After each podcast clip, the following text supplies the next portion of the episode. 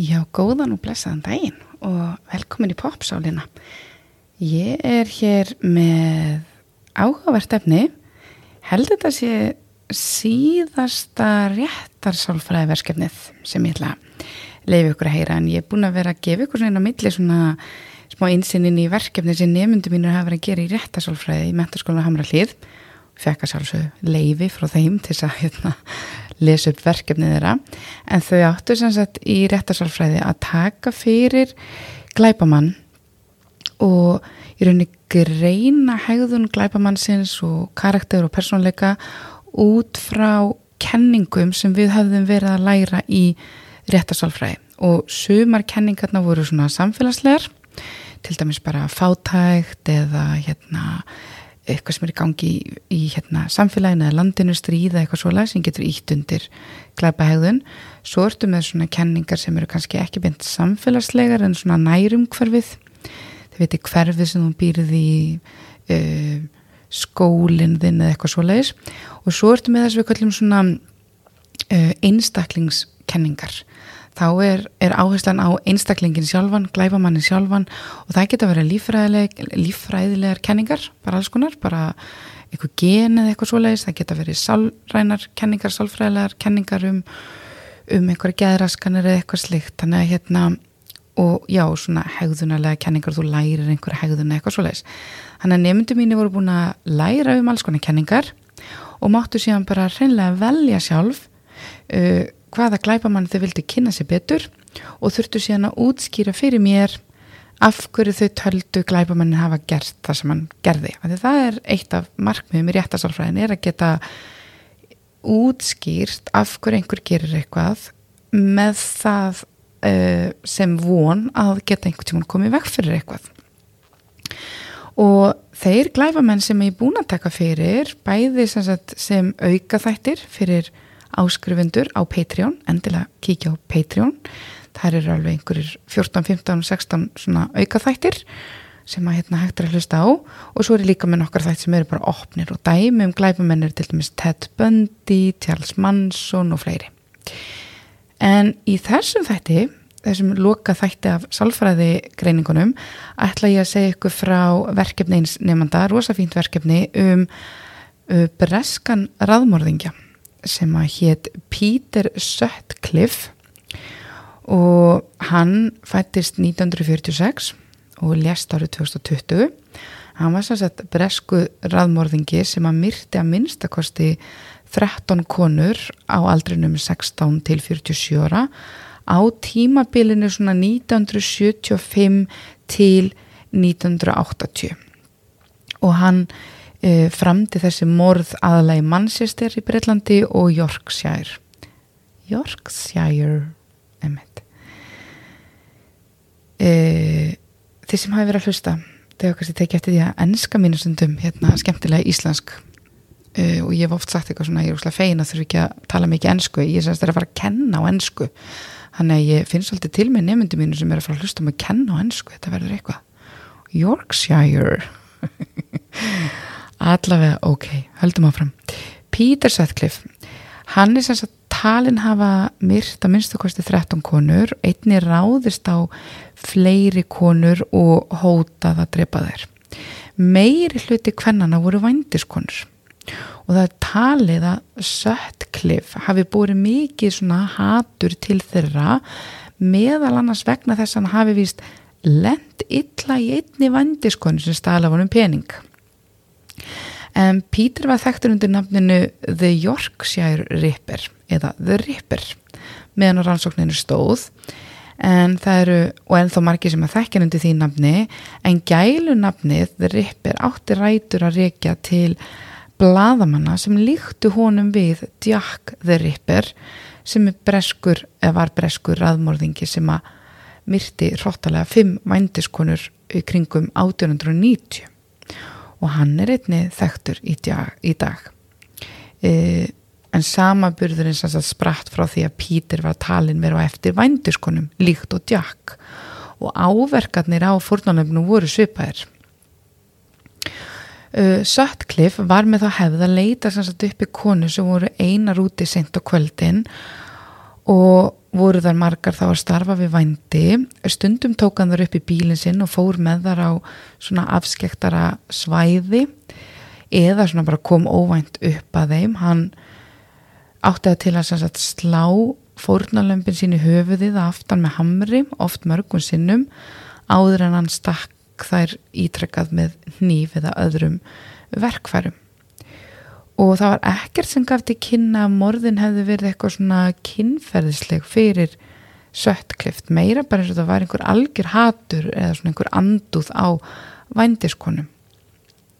Og þau morð sem hann framtið þau voru, voru rillileg og það var greinilegt á, á hérna uh, áverkunum að, að hérna uh, sem sagt greinlegt á bara rannsóknum á heila Sutcliffe og persónleika að hann var frábrögðin flestum öðrum einstaklingum að að flestir aðri geta ekki gert það sem Sutcliffe gerði þessum konum. Og rannsóknin í leitaði Yorkshire Ripper var laung og ein af stæstu og dýrstu uh, rannsóknum í sögu Breitlands. Einni eina af þeim svona mísefnustu. Lögreglan í málinu fór uh, niður ymsar villigötur sem hefðu gríðlega skadlega áhrif á þróun málsins og laurglann tók ekki marka á mikilvægum vittnisspurði þegar hvenna sem stigu fram og lístu því að hafa orði fyrir líkams árás á höndum þeir rippir. Að því laurglann trúði þeim ekki að þetta voru þá ekki vendiskonur. Laurglann var komið með svona tunnel vision, held þetta væri bara vendiskonur og hlustaði ekki þegar hérna aðra konur stigu fram. Og Sutcliffe sjálfur var yfirherður nýju sinnum af lauruglu en var samt aldrei grunaður sem sagt svona nægilega mikið til þess að vera handtekinn. En fyrir algjör að hefni árið 1981 þegar lauruglumæðurinn Robert Ring stoppaðan í umferð að því að hann með ólöglegt bílnúmer þá fann hann sem sagt morðvopnin í bíl, bílnum hans. En ok, uh, nefandi minn fyrir að velta fyrir sér hvað gæti uh, útskýrta einhver leiti hegðun hans Sutcliffe og fyrsta sem að nefandi minn velti fyrir sér er uh, geðgreiningin geðklofi og svo sérstök heilastarsimi en þess að við réttarhaldin þá játaði Sutcliffe uh, ekki beint á sig morðin heldur hann játaði það að hafa drepið þessar konur án þess að byrja ábyrjaði sjálfur skilja, hann væri sem sagt ekki ábyrgur á eigin hegðun Uh, Söttklif hjælt í sjálfi fram að hann hefði fengið skilabóð frá Guð um að myrða sem flestar vændiskonur. Uh, hann var semst að vinna í kirkjugarði og hann var að grafa semst uh, grafir og hafið þá heyrti Guð talum það að hann ætti að drepa allar vændiskonur. Og hér var þá eðlileg skýring sálfrænga og geðlakna, hann var í mögulega veikur og geði og greindu hann með geðklofa og sérstaklega paranoid geðklofa. Uh, já, þannig að rökin voru þau að hann hafði ekki haft stjórn á sínum eigin görðum vegna sérstaklega geðklofa. Uh, einnig er talað um í þessu samhengi að Pítur var sjálfur fyrirbúri og í fæðingu var það fyrir súröfniskorti sem leiti til þess að, að hann var á einhver tíma á spítala og ísansett svona uh, súröfnisvél alveg í einhverja tvær vikur og var í lífsætti í rauninni. Og þetta gæti haft, haft gæti hafa haft á, áhrif á heila þorska hans. Þannig hérna það er svona ein hugmynd hjá mínu nefnda að uh, andleveikindi eða geðklofi sérstaklega svona geðklofi með geðrófs enginni þar sem missi tengstur raunveruleikan og skert heilastar sem gætu haft áhrif á hegðun hans þetta myndi falla undir þessu við kallum svona einstaklingskenningar. En það voru ekki allir sammála þessu. Margi sem að tengdust eða fyldust með málinu voru mjög ósáttir við þá greiningu sem að Pítur hlaut og vildu halda því fram að hann hefði haft fullastjórn á þeim glæfum sem hann framdi. Konans, kona hans Pítur hafði nefnilega greinst með geðklofa nokkrum árum fyrir og sumu töldu það líklegt að hann hefur hreinlega bara lært á enkenni röskunarinnar bara með því að fylgjast með konu sinni og var bara herma eftir hennar einkennum. Að markmiði hans Píters hafi bara sennilega verið að hljóta vægari dóm og jafnvel þægilegri vist á betri stað. Og þá vildu menn meina að hér væri mögulegum siðblindu að ræða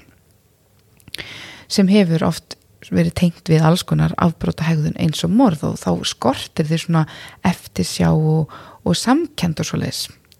og fólk heldur því einnig fram að hans saga um hann hafi verið í einhver herrferð gegn vændiskonum að þennan fengi skilabóð frá Guði passaði ekki alveg að því hann myrti ekki bara vændiskonu, hann réðist einnig á konu sem hefði ekkert með vændi að gera. Og hviðdómurinn virtist vera að sammála því þar sem að þau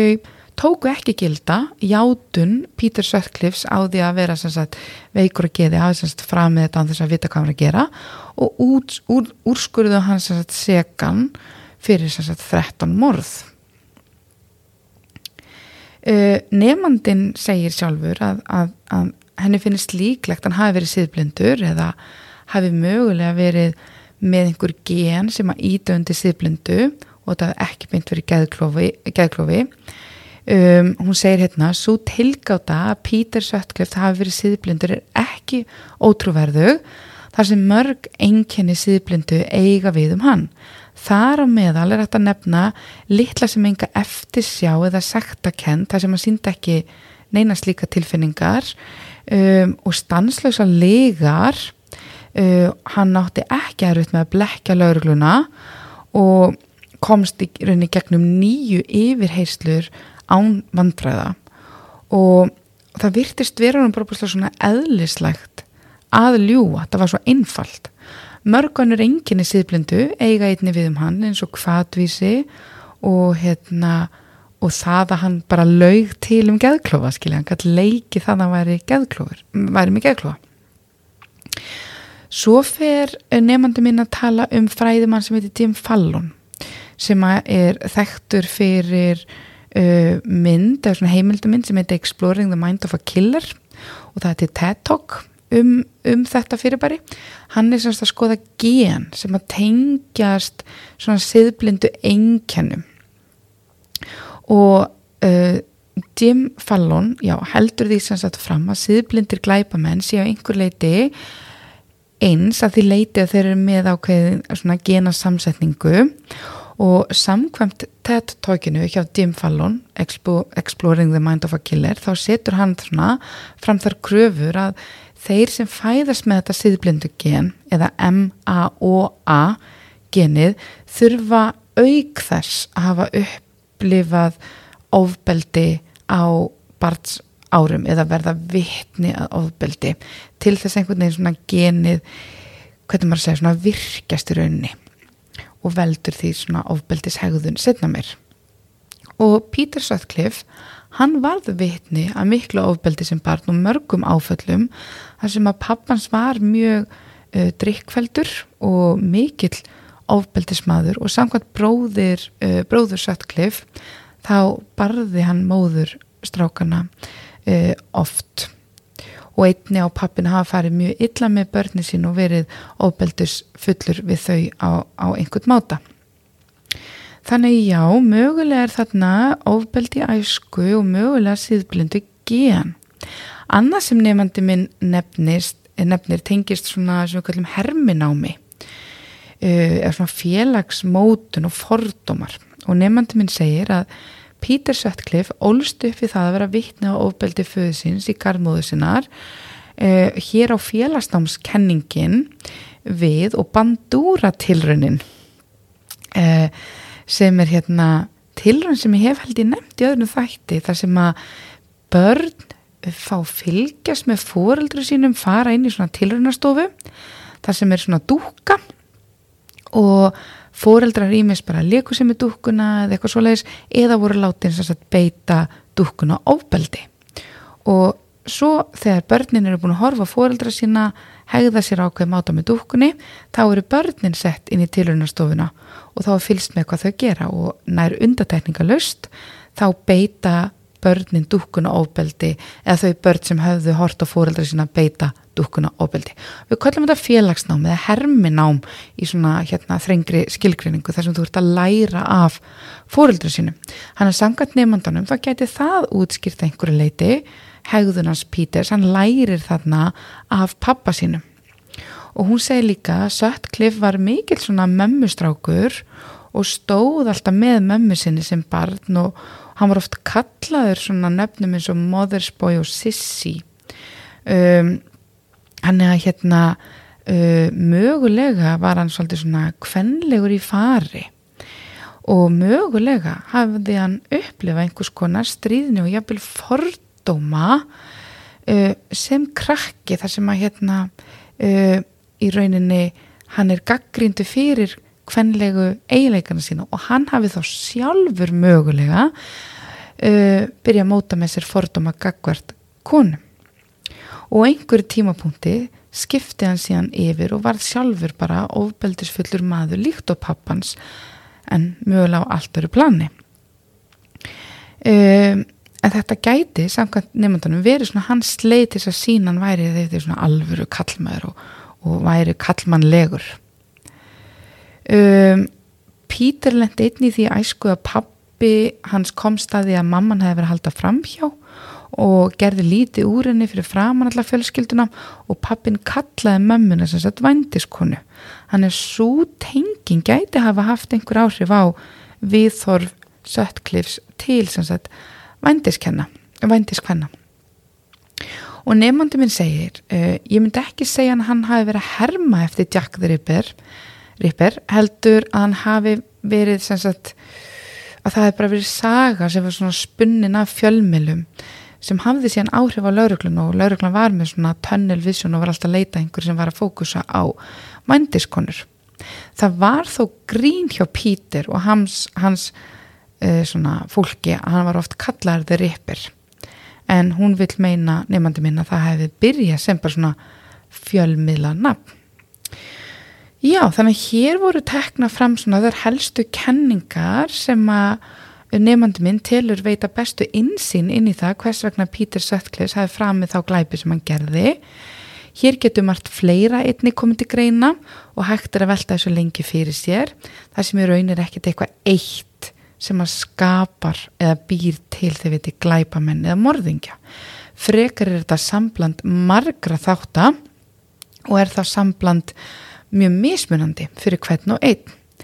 Og það er ekki endilega einhver einn kenning sem er einn eina sannakenning heldur frekar mikilvægt að gera sig grein fyrir öllum möguleikunum til að geta mynda sér svona heldar mynd á málinu og fengi svona heldar sín á því af hverju einhver í rauninni fremu glæpi.